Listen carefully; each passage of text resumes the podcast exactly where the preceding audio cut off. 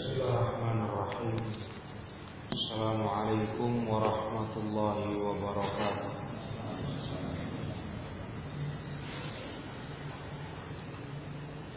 الحمد لله رب العالمين وبه نستعين على أمور الدنيا والدين أشهد أن لا إله إلا الله وحده لا شريك له وأشهد أن محمدا عبده ورسوله. يقول ربنا تبارك وتعالى في القرآن الكريم يا أيها الذين آمنوا اتقوا الله حق تقاته ولا تموتن إلا وأنتم مسلمون. وقال رسول الله صلى الله عليه وسلم فإن أصدق الحديث كتاب الله وخير الهدى هدى محمد صلى الله عليه وسلم وشر الأمور محدثاتها فإن كل محدثة بدعة وكل بدعة ضلالة وكل ضلالة في النار Amma ba'd. Ma'asyiral muslimin rahimakumullah. Para jemaah yang dirahmati Allah Subhanahu wa taala. Alhamdulillah Malam hari ini kita masih dapat melanjutkan membaca kitab Syarh Sunnah. Yang ditulis oleh Imam Al-Barbahari rahimahullahu ta'ala Dan pelajaran kita dari kitab Syarhus Sunnah malam ini kita masuk ke poin 76.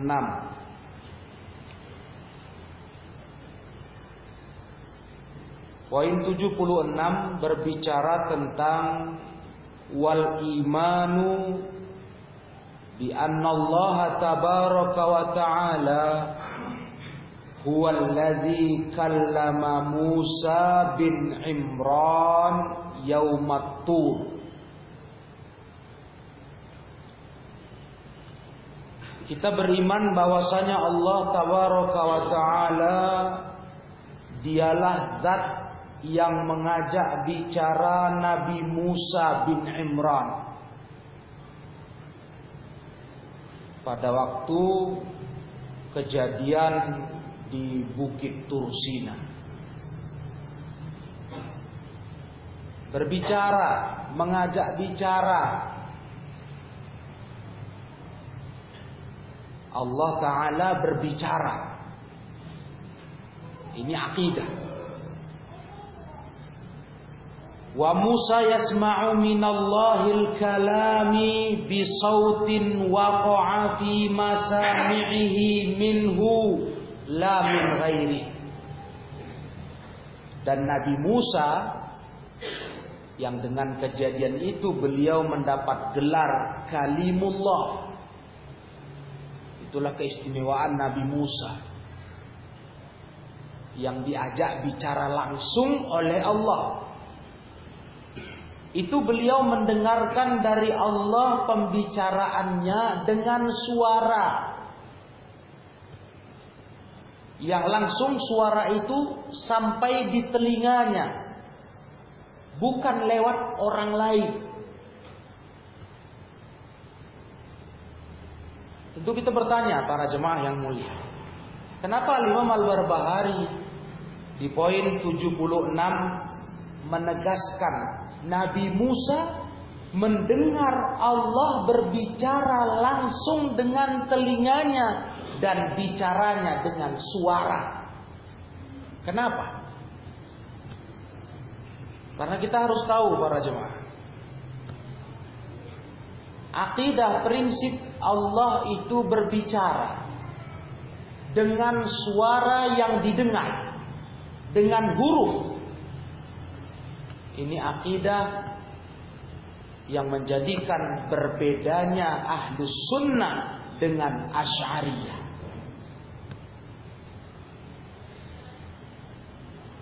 Ahlus sunnah wal jamaah meyakini Allah bicara. Bicara seperti bicara manusia dalam arti punya suara, punya huruf. Cuma tentu tidak sama. Karena Allah Ta'ala menegaskan Laisa kamithlihi syai'un. Tidak ada serupa Allah satu apa pun. Tapi ada suara Ada. Walau tidak seperti makhluk. Karena yang namanya orang bicara Kalau kita makhluk Tentu bersuara. Kalau dia nggak bersuara Namanya bisu. Kalau dikatakan sesuatu berbicara Fulan berbicara, pasti dia bisa mengeluarkan suara dan bisa merangkai kata dengan hurufnya. Itu ahlu sunnah. Ketika mereka mengatakan Allah berbicara dengan Nabi Musa di Bukit Tursina, itu bicara dengan apa? Dengan suara yang didengar. Tapi jangan samakan suara Allah dengan makhluk. Itu tidak boleh. Jangan samakan hurufnya dengan huruf makhluk.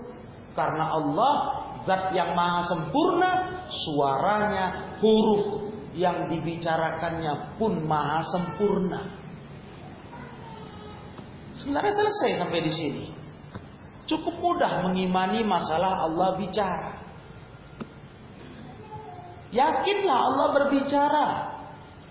Dan satu bukti yang kita semua tahu umat manusia, Allah berbicara dengan Nabi Musa. Selesai. Bicara dengan apa? Dengan suara, dengan huruf. Tinggal kita pasang pagar pemisah.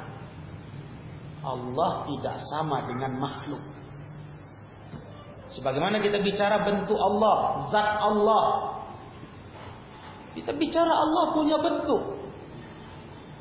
Punya anggota badan istilah kita. Tangan, kaki, wajah. Bukankah kita semua meyakini itu tidak sama dengan makhluk? Karena Allah bentuknya bukan kayak makhluk. Sedikit pun tak ada kesamaan. Maka begitulah sifat kita ahlus sunnah ketika membicarakan sifat-sifat Allah. Berbicara itu salah satu sifat Allah. Allah berbicara. Allah berbicara para ibu. Dengan suara, dengan huruf. Dan itu didengar Nabi Musa. Ada dialog. Faman qala ghairu. Siapa yang berpendapat bukan seperti ini kata Imam Al-Barbahari. Berarti dia tidak yakin dengan ini. Fakat kafara billahil azim. Dia bisa jatuh pada kekafiran kepada Allah yang maha agung. Kaum muslimin yang mulia. Kalau ahlu sunnah berbicara tentang sifat Allah sama saja. Kaedahnya satu. Imani sifat Allah yang datang dalam Alkitab dan As-Sunnah Al-Quran dan hadis tanpa menyerupakan dengan makhluk. Itu ahlu sunnah. Gampang, nggak sulit-sulit. Mentakwil, mentafsir. Iya. Lurus saja. Percaya, imani, tapi jangan serupakan dengan makhluk. Sedangkan Asy'ariyah ini yang perlu para jemaah saya sampaikan karena memang sebagaimana diterangkan oleh salah seorang ulama dalam penjabaran kitab beliau diterangkan oleh ulama memang Asy'ariyah ini sekilas pandang paling mirip dengan akidah Ahlus Sunnah. Sehingga kalau orang yang tidak mengenal perbedaannya, tentu dia tertipu. Ditambah kelompok Asy'ariyah dari dulu mengklaim mereka lah ahli sunnah. Sampai sekarang itu. Sampai hari ini, sebagaimana pernah saya singgung di majelis ini. Sampai hari ini, detik kita ini, waktu-waktu sekarang kita ini, mereka terus menyatakan diri kami ahlus sunnah. Padahal para jemaah yang mulia, begitu banyak perbedaan antara akidah ahli sunnah yang sebenarnya dengan asyariyah. Perbedaan akidah sangat mendasar, prinsipil. Bukan masalah-masalah fikih, masalah furu, cabang. Bukan. Ini masalah akidah. Seperti yang kita sama tahu tentang akidah Allah tabaraka wa taala berada di atas langitnya bersemayam di arsnya. Sudah kita lewati poinnya. Itu keyakinan yang betul dari ahli sunnah. Di mana Allah? Di langitnya. Di ars sana. Itu tempat Allah. Loh, Allah bertempat. Iya. Cuma jangan kau pikir seperti makhluk. Kalau kita bertempat, kita butuh tempat. Kalau Allah tidak butuh kepada arusnya. Karena Allah lah penciptanya. Tapi Allah bertempat. Tempatnya di mana? Di arus, di atas langit. Lihat, ini akidah yang betul. Akidah Islam. Ini akidah sesuai fitrah. Tapi apa kata Asy'ariyah? Tidak. Allah tidak di langitnya. Allah tidak bersemayam. Hanya Allah, Allah itu berkuasa saja di di langit itu. Jadi Allah di mana? Nah itu para kajian itu pernah kita angkat. Pernah kita bahas itu. Dan itu perbedaan yang sangat nampak. Jurang pemisah yang lebar antara ahlus sunnah dengan asyariyah. Yang menunjukkan asyariyah bukan ahlus sunnah. Nah sekarang para jemaah rahimakumullah di kajian poin ini kembali nampak perbedaan ahlus sunnah dan asy'ariyah. Apakah para ikhwah, para jemaah yang mulia, apakah masalah perbedaan ini hanya antara ahlus sunnah dengan asy'ariyah? Sebenarnya tidak.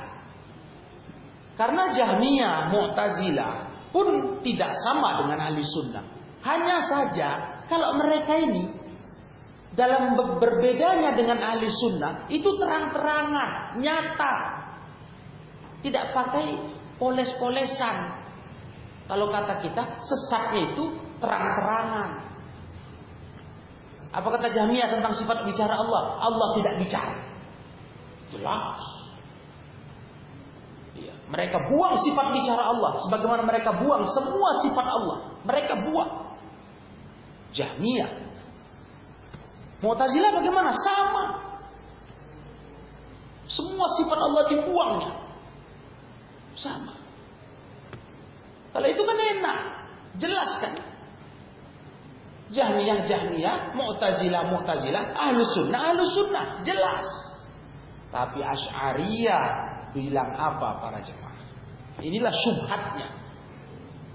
Cobalah perkara seperti ini kok dianggap biasa oleh sekarang oleh masyarakat kita. Dianggap bukan hal besar kali perbedaannya.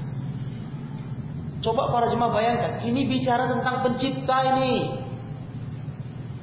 Menilai pencipta kita Allah Ta'ala dengan persepsi yang sangat berbeda dengan apa yang dimau Allah dan Rasulnya. Ini masalah besar. Lah kita hari ini saja. Masyarakat Islam hari ini, orang beda persepsi menilai ketua organisasinya. Ketua kelompoknya, ketua pengajiannya, bisa bentrok itu penilaian tokoh-tokohnya. Beda persepsi, beda ngomong, beda menilai, bisa bentrok antar pengikut. Lah, ini kok bisa kita tenang-tenang? Masih menganggap biasa. Iya. Perbedaan tentang sang pencipta. Nah, saya mau ajak para jemaah menganggap ilmu ini sangat serius. Supaya jangan lagi kita sepele dengan gerakan asyariah di Indonesia dan pengusung-pengusungnya. Berat kali ini penyimpangan mereka dalam sisi akidah. Jangan sepele, jangan anggap remeh.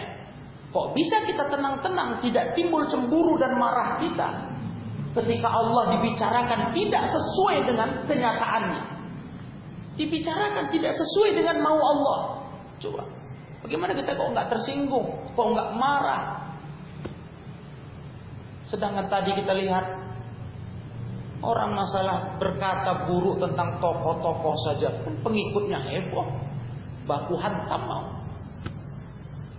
Ini tentang Allah. Sesembahan pencipta kita.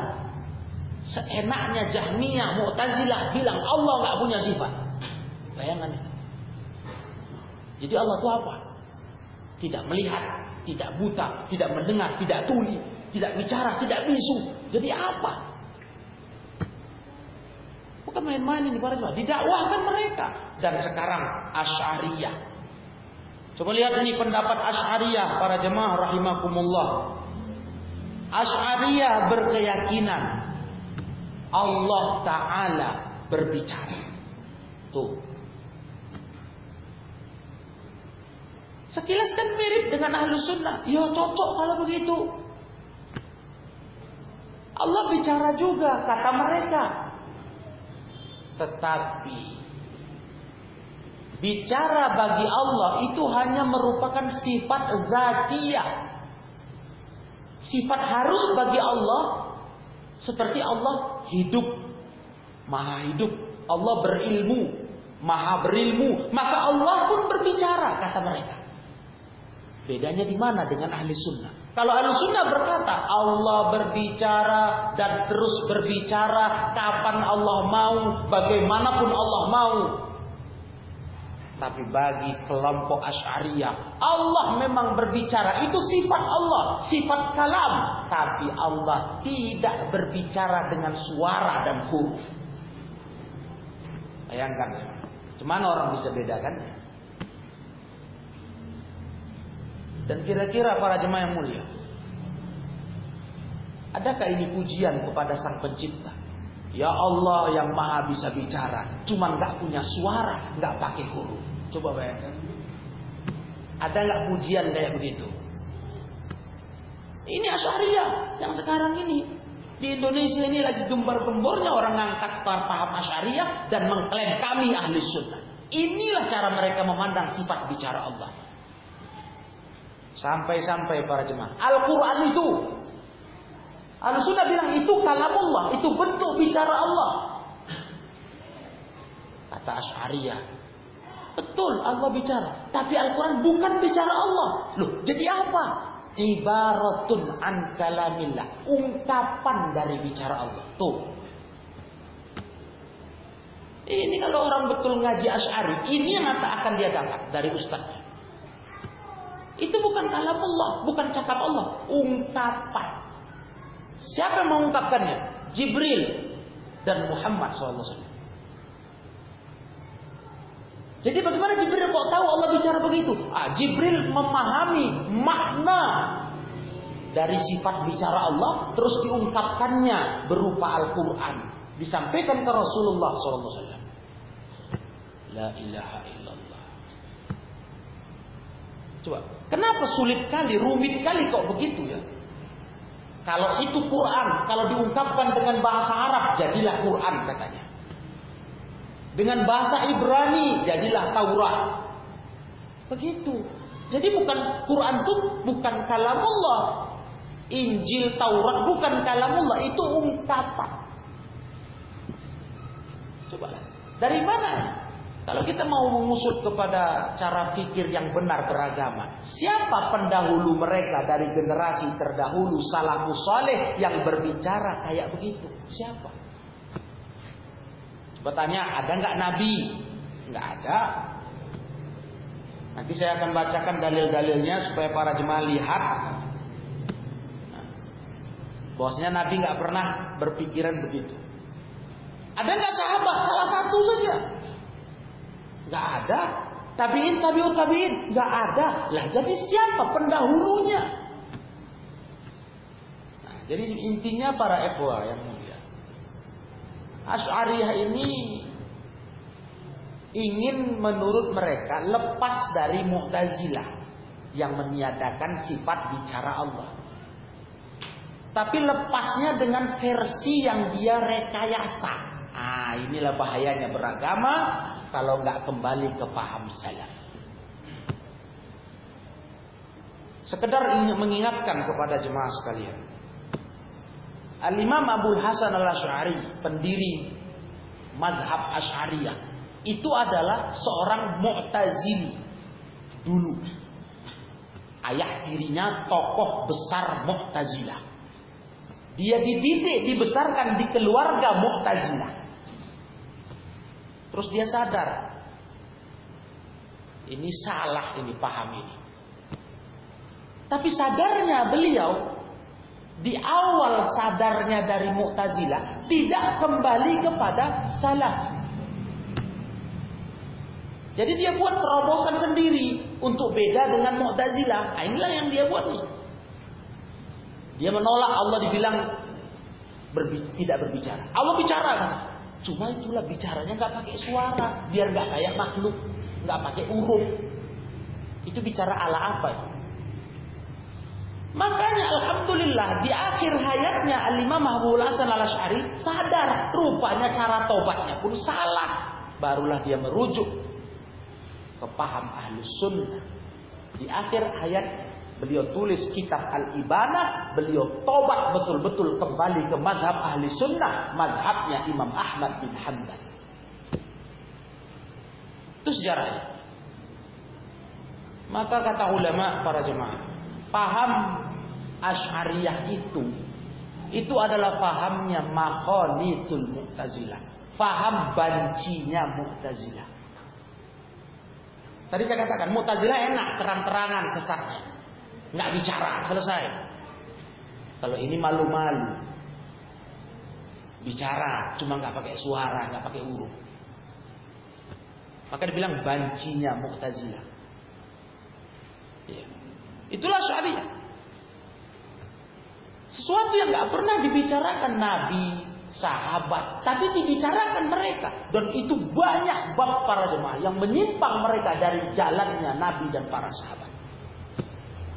Yang intinya Mu'tazilah, Jahmiyah bukan ahli sunnah. Asy'ariyah pun bukan ahli sunnah, bukan. Walaupun dari dulu memang terkesan karena samarnya gerakan mereka. Orang kira inilah yang betul ahlu sunnah. Karena dia sudah beda dengan Mu'tazilah dan Jahmiyah. Padahal Asy'ariyah bukan ahli sunnah. Kasihan kita sekarang kaum muslimin yang mulia. Karena masyarakat nggak ngaji seperti ini, tak kenal. Paham sesat Asy'ariyah. Jadi ketika sekarang ada orang yang terang-terangan mengatakan kami asyariah dan kami ahlu sunnah, masyarakat pun tak bisa membedakan. Dikira betul lah cakap itu. Hari ini seperti itu yang saya perhatikan. Nah, coba kita lihat para ekwa yang mulia. Dalil-dalil tentang Allah berbicara terlebih dahulu. Untuk menyatakan Allah itu punya sifat al-kalam. Nanti baru kita bicara rusaknya pola pikir uh, Asy'ariyah yang mengatakan Allah bicara nggak pakai suara, nggak pakai huruf. Surah An-Nisa ayat 164 Allah menegaskan wa kallamallahu Musa taklima. Allah taala mengajak bicara Musa. Itulah tadi yang kita baca di kitab ini dalam poin 76 Allah berbicara di Bukit Tursina. Itu kan didasari awalnya Nabi Musa kepingin melihat Allah. Supaya lebih mantap dengan tugas kenabiannya. Allah bilang kau nggak akan bisa melihatku. Karena Nabi Musa kepingin betul melihat Allah disuruh naik ke Bukit Tursina. Begitu nampak cahaya baru beliau pingsan. Itu surah Nisa ayat 164. Wa kallamallahu Musa taklima. Allah mengajak bicara Nabi Musa. Selesai. Berarti Allah bisa berbicara. Jelas. Kallamallahu Musa. Allah mengajak Nabi Musa berbicara. Ayat bicara ini. Begitu pula surah Al-Araf ayat 143. Allah berfirman, "Walamma jaa Musa limiqatina wa kallamahu rabbuh." Nah, ketika Musa datang ke miqat kami, tempat yang dijanjikan untuk bertemu tadi, dan kallamahu rabbuh. Rabbnya mengajaknya bicara. Kallamahu rabbuhu. Ini nggak bisa lagi diputar balik kan ini. Kalau di ayat An-Nisa mungkin masih bisa. Bisa dibaca begini oleh mereka. Wa kallamallaha Musa. Musa mengajak Allah bicara. Jadi Allahnya bicara, Musa yang ngajak. Dalam ilmu i'rabnya bisa diputar balikkan ini. Kalau dibaca wa kallamallahu Musa, Allah yang ngajak bicara. Tapi karena ini masalah harokat bisa diputar, bisa dibuat wa kallamallaha Musa. Musa yang ngajak bicara, berarti Allah nggak bicara. Masih bisa di setel, diolah. Tapi di ayat Al-Araf 143 nggak bisa lagi Karena kalimatnya domirnya jelas. Wa kallamahu rabbuhu. Nggak bisa di setel lagi nih. Nggak bisa di Flesetkan nggak bisa. Kalau tadi bisa, ini nggak bisa. Kalamahu rabbuhu mengajak bicaranya Robnya siapa? Nyanya di sini. Mengajak bicaranya Nabi Musa. Siapa mengajak Nabi Musa bicara? Rabbuhu, Robnya. Nggak bisa lagi dipoles-poles lagi, dibelok-belok kan nggak bisa. Jelas memang Allah berbicara dengan Nabi Musa. Allah bicara. Jadi masalah ini nggak perlu lagi diragukan para ikhwan. Sudah sangat jelas dengan akidah ahli sunnah bahwasanya Allah Taala berbicara. Selesai. Dan di sini tadi titik kesamaan yang bikin rancu antara ahli sunnah dengan asyari. Mereka pun berkata begitu. Allah berbicara. Itu sifat Allah. Kemudian para ikhwah dari hadis. Dari hadis Abu Sa'id Al-Khudri radhiyallahu anhu pernah berkata Rasul sallallahu alaihi wasallam bersabda Yaqulullahu ta'ala Allah taala berkata Ya Adam Hei Nabi Adam Coba Kalau dua ayat tadi kita nggak nggak dapat rincian bicaranya apa teksnya, ya kan? Hanya Allah mengajak Musa bicara. Di sini masih bisa Asy'ariyah berdalih tanpa suara, tanpa huruf. Ya. Tapi di hadis berikut ini dan ini hadis menjelaskan Allah berkata, "Hei Adam." Itu apa itu? Itu huruf itu. Ya Adam. Huruf. Sudah jelas pakai huruf. Ya Adam. Coba Pak Apa kata Nabi Adam? Labbaika wa sa'daika. Aku sambut engkau ya Allah. Kata Allah Ta'ala. Fayunadi bisautin. Inna Allah ya'muruka an tukhrija min ummatika ba'tan ilan nar. Allah pun berkata dengan suaranya. Tuh lihat hadis ini dengan suaranya sesungguhnya Allah menyuruh engkau ya Adam untuk engkau mengeluarkan umatmu dari api neraka. Dan ini hadis para jemaah dikeluarkan Bukhari dan Muslim dan Imam Ahmad. Coba dengarkan hadis ini. Allah berkata dengan suaranya. Tadi pakai huruf ya Adam. Nah kalau nggak pakai huruf, bagaimana Nabi pernah bisa menceritakan ini? Dan ditegaskan Nabi, fayunadi bisautin. Allah memanggil dengan suara. Hadis Bukhari Muslim. Bahkan Imam Ahmad meriwayatkan tiga. Bukhari, Muslim, Ahmad. Nah coba para jemaah yang dirahmati Allah, kaum muslimin yang mulia.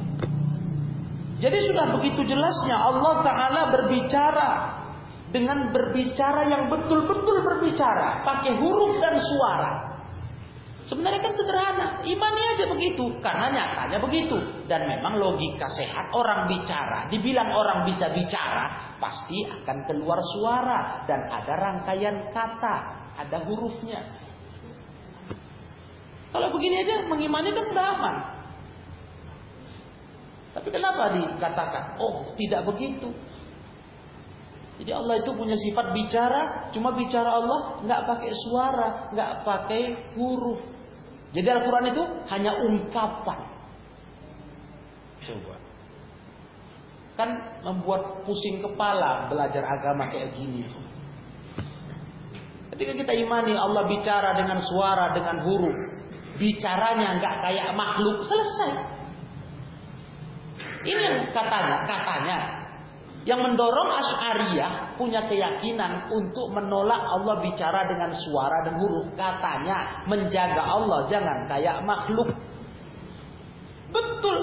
Ahlussunnah diajarkan Nabi SAW untuk jangan menyerupakan Allah dengan makhluk. Betul. Cuma cara menghindari menyerupakan Allah dengan makhluk jangan dikarang sendiri. Nah ini para jemaah ini peringatan beragama tuh jangan pakai akal kita sendiri Menurut saya, hemat saya, renungan saya. Rusak kita. Banyak yang udah rusak.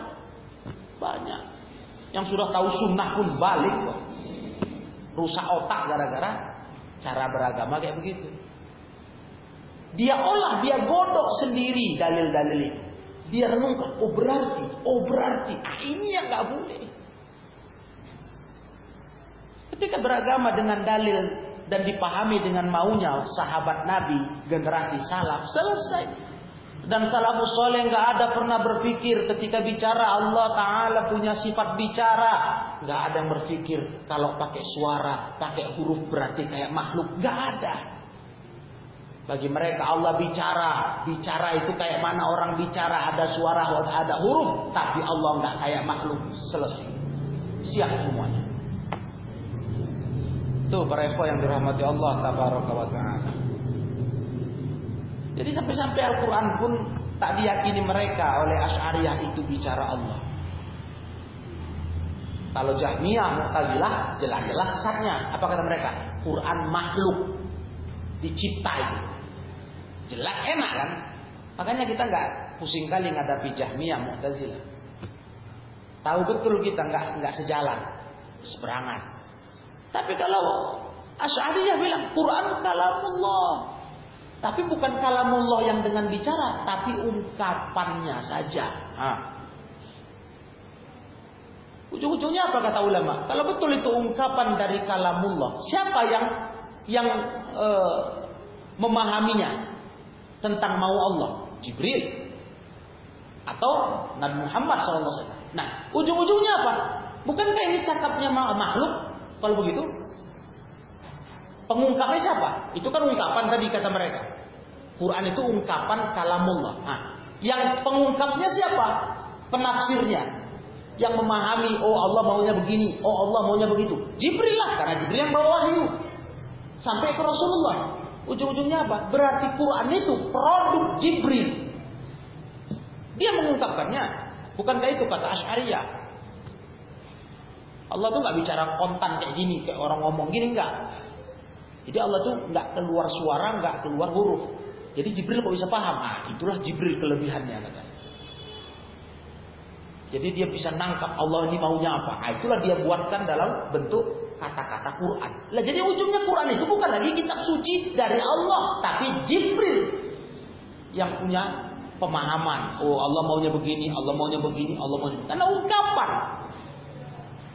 Wah ini fatal sekali, wah fatal sekali ini.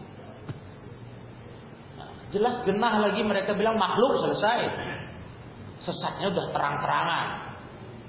Tapi mereka tidak mau begitu. Mereka bermain, berputar-putar dalam kesesatan. Gak lurus saja. Ya, makanya itu tadi digelar bancinya Mu'tazilah. Karena banci gak berani untuk menegakkan kepala, nunjukkan muka, aku sesat, nggak berani. Mau main cantik. Ini Asy'ariyah. Para jemaah yang dirahmati Allah tabaraka wa taala. Sebagai bukti penegasan Quran itu kalamullah, bukan ungkapan. Kita buka surah At-Taubah ayat 6. Kira-kira apa mau dibantah ini dari bantahannya Asy'ariyah? Allah berfirman, Wa in ahadum minal musyriki nastajaraka fa'ajirhu hatta yasma'a kalam Allah. Terjemahannya, kalau ada salah seorang dari orang musyrikun itu minta perlindungan kepada Muhai Nabi Muhammad sallallahu alaihi. Beri perlindungan mereka sampai mereka mendengarkan kalamullah mendengarkan kalamullah. Kira-kira mendengar apa? Mendengar apa di sini? Kalau kita bicara sampai mereka mendengar kalamullah, mendengar Al-Qur'an lah. Ternyata Al-Quran itu ditegaskan Allah dalam surat Taubah ayat 6 itu kalamullah. Sampai mereka mendengar kalamullah. Gak mungkin kita tafsirkan sampai mereka mendengar wahyu. Masa orang kafir dikasih wahyu? Kan nggak mungkin.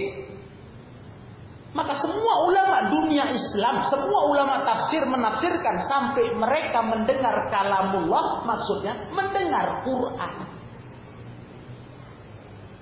Ini jelas-jelas dalil yang mematahkan, meluluh lantakkan subhat Asy'ariyah yang bilang Quran itu ungkapan dari kalamullah. Habis sudah. Surah Taubah ayat 6. Allah katakan jelas-jelas. Kalau ada salah seorang musyrikin berlindung, minta perlindungan kepadamu, maka beri perlindungan kepada dia sampai dia mendengar kalam Allah, sampai dia dengar Quran. Mungkin dengan dengan mendengar Quran itu dia mau masuk Islam, karena Quran itu sangat-sangat menyentuh, sampai-sampai orang musyrikin dulu takut betul masyarakatnya, keluarganya dengar Quran, nanti kesihir kata mereka. Itu sihir Muhammad. Makanya kalau ada yang dengar Quran, mereka usir, mereka larang, jangan dekat, jangan dengar. Khawatir. Karena indahnya, hebatnya Quran itu sampai-sampai para ahli syair-syair terkenal Arab pun begitu mendengar Quran langsung berkata, "Wah, ini bukan buatan manusia. Kalau kalau syair kami ahlinya, kami tahu ini bukan buatan manusia." Mereka sadar ini adalah wahyu dari langit sana. Jadi para jemaah rahimakumullah. Jelas sekali. Apa yang diyakini oleh ahli sunnah wal jamaah itulah yang benar. Al-Quran itu kalamullah. Bukan ungkapan. Allah itu bicara. Bicaranya tidak pakai suara. Bukan tidak pakai suara. Bicaranya pakai huruf. Tapi kita sepenuh hati yakin tanpa keraguan apa pun bahwasanya Allah Subhanahu wa taala tidak sama dengan makhluknya.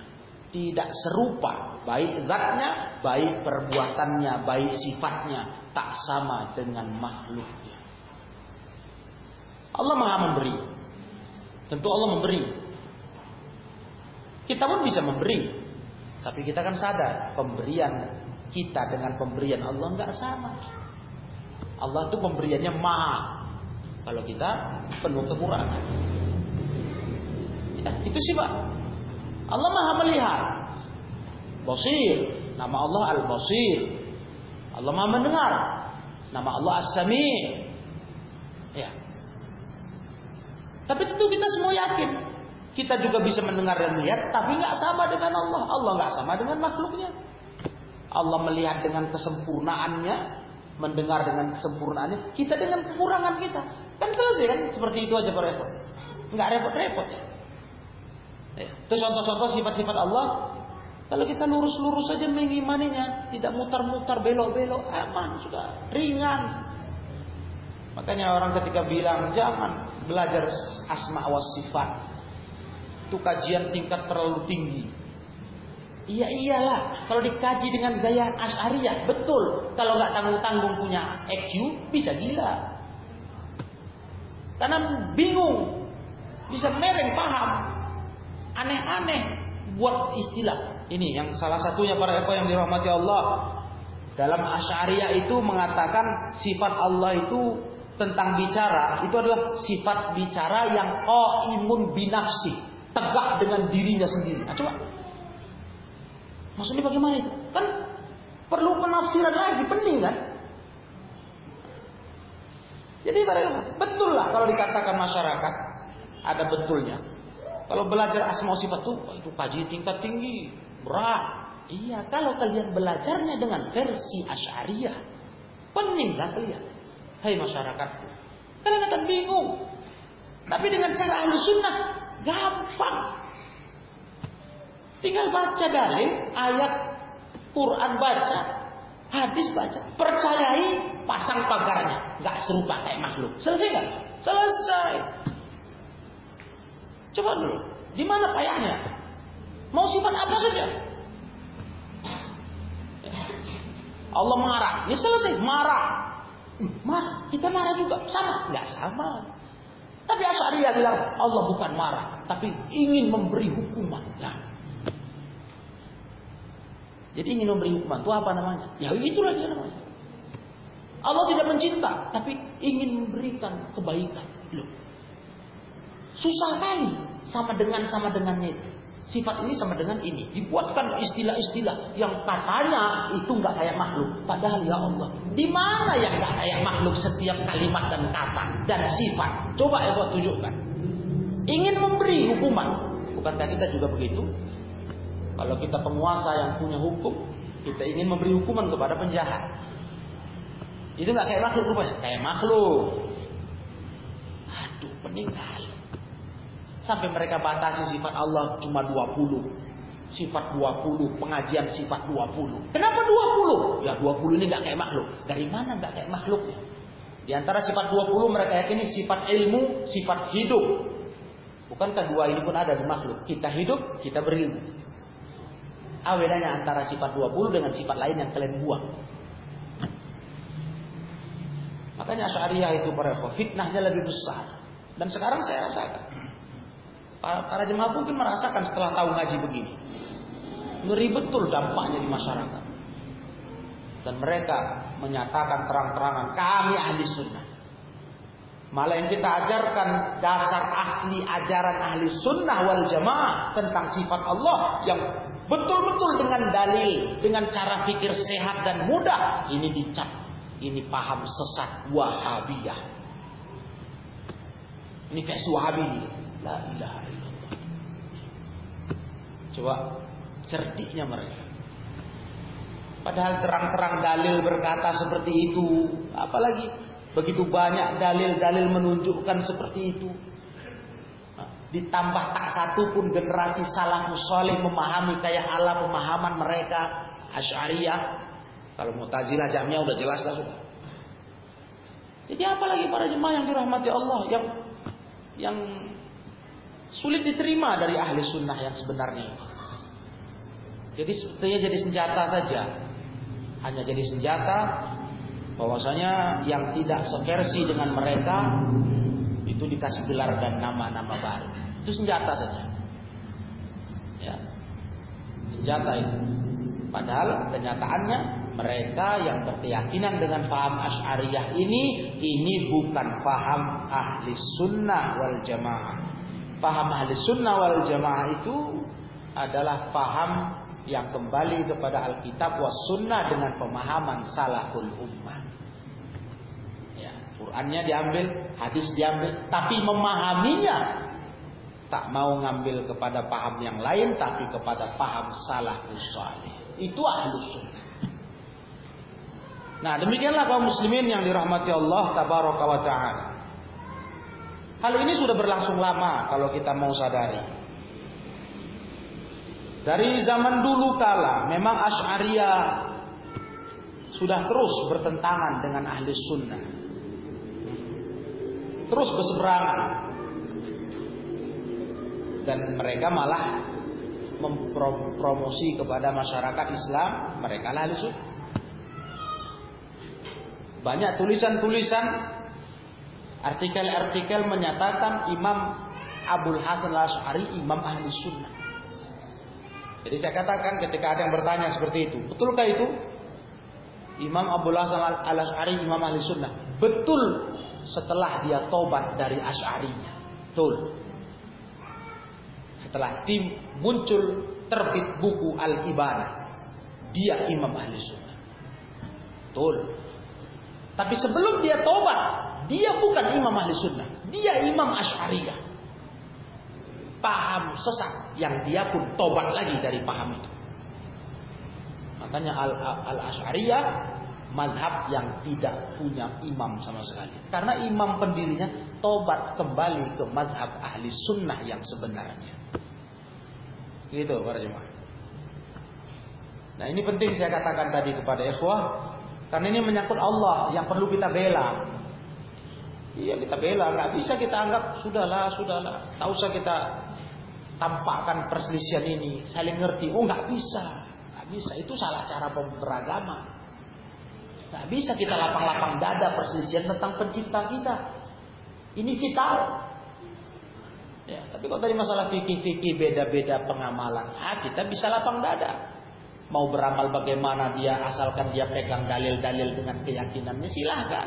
Tapi kalau masalah akidah kita harus bela, kita harus bicara apa pun persepsi yang timbul karenanya. Kita nggak peduli. Kita nggak akan bisu diem. Karena kita mau membela Allah, Allah sekarang sedang direndahkan tanpa disadari. Ya, bagaimana mau tidak direndahkan? Dibilang punya sifat bicara, tapi nggak punya suara dan huruf. Itu nggak perendahan namanya.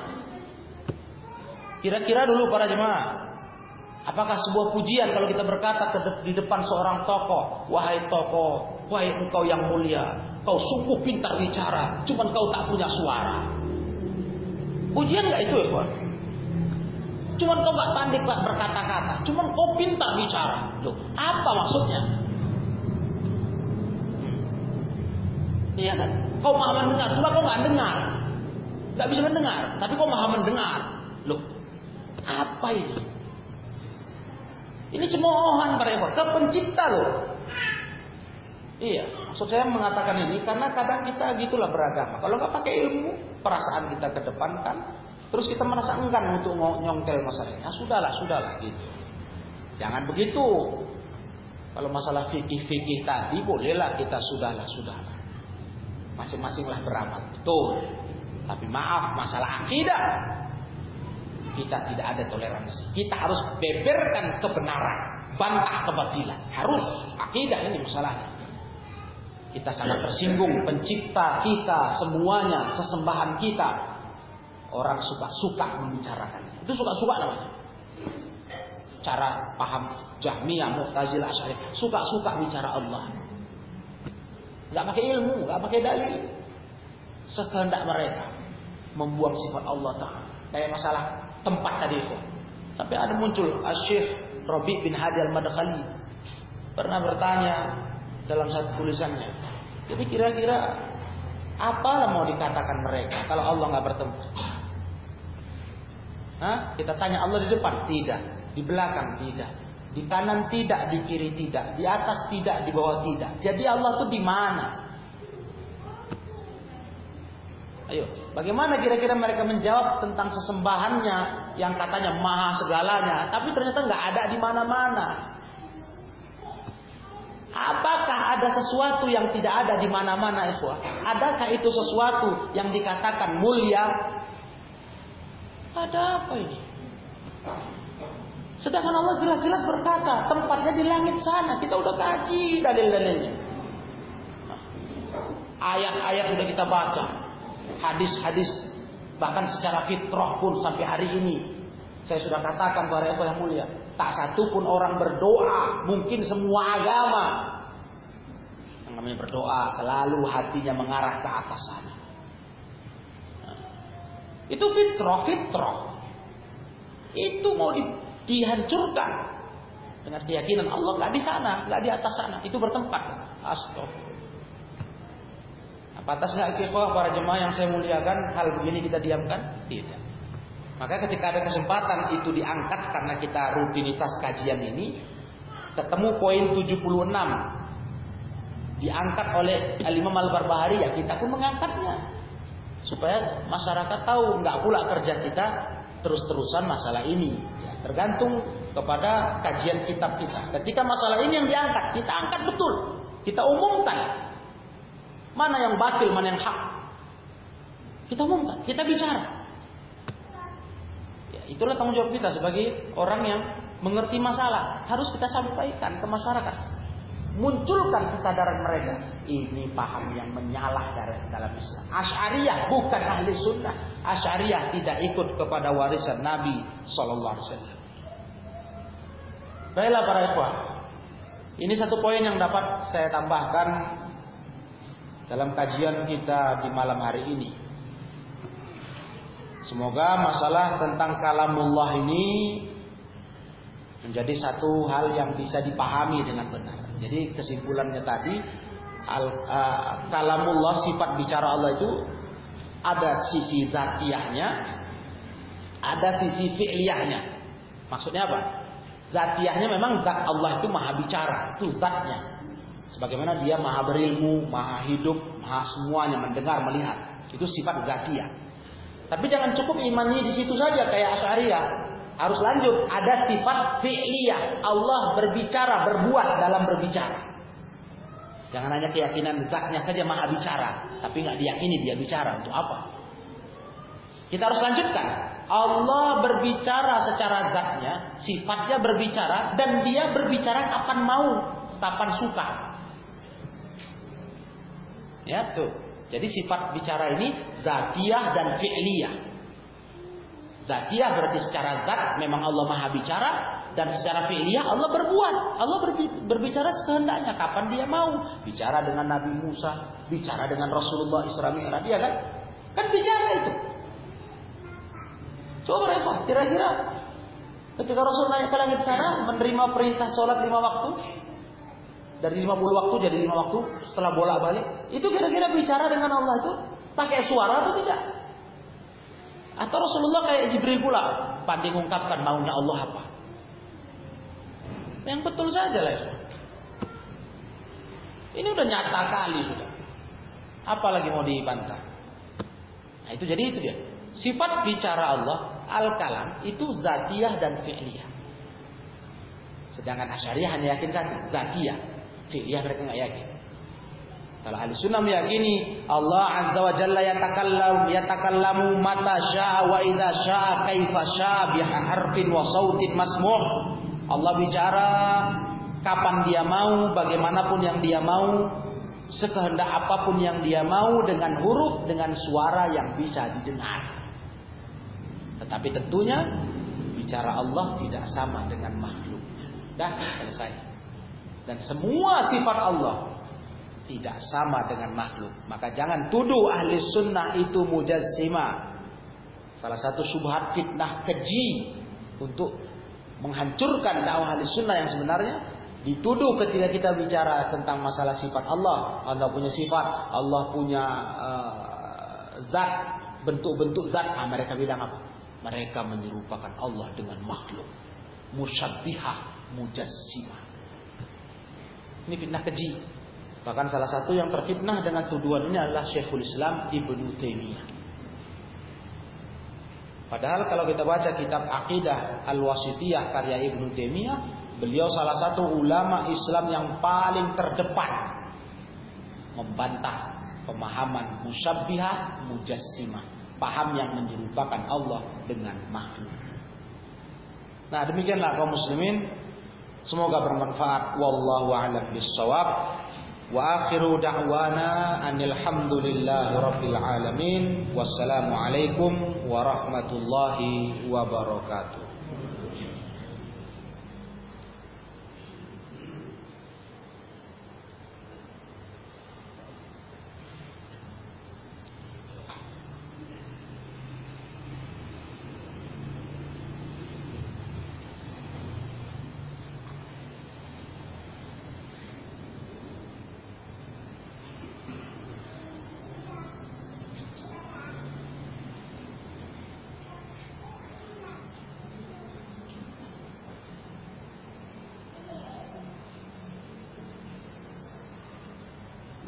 Ini ada pertanyaan.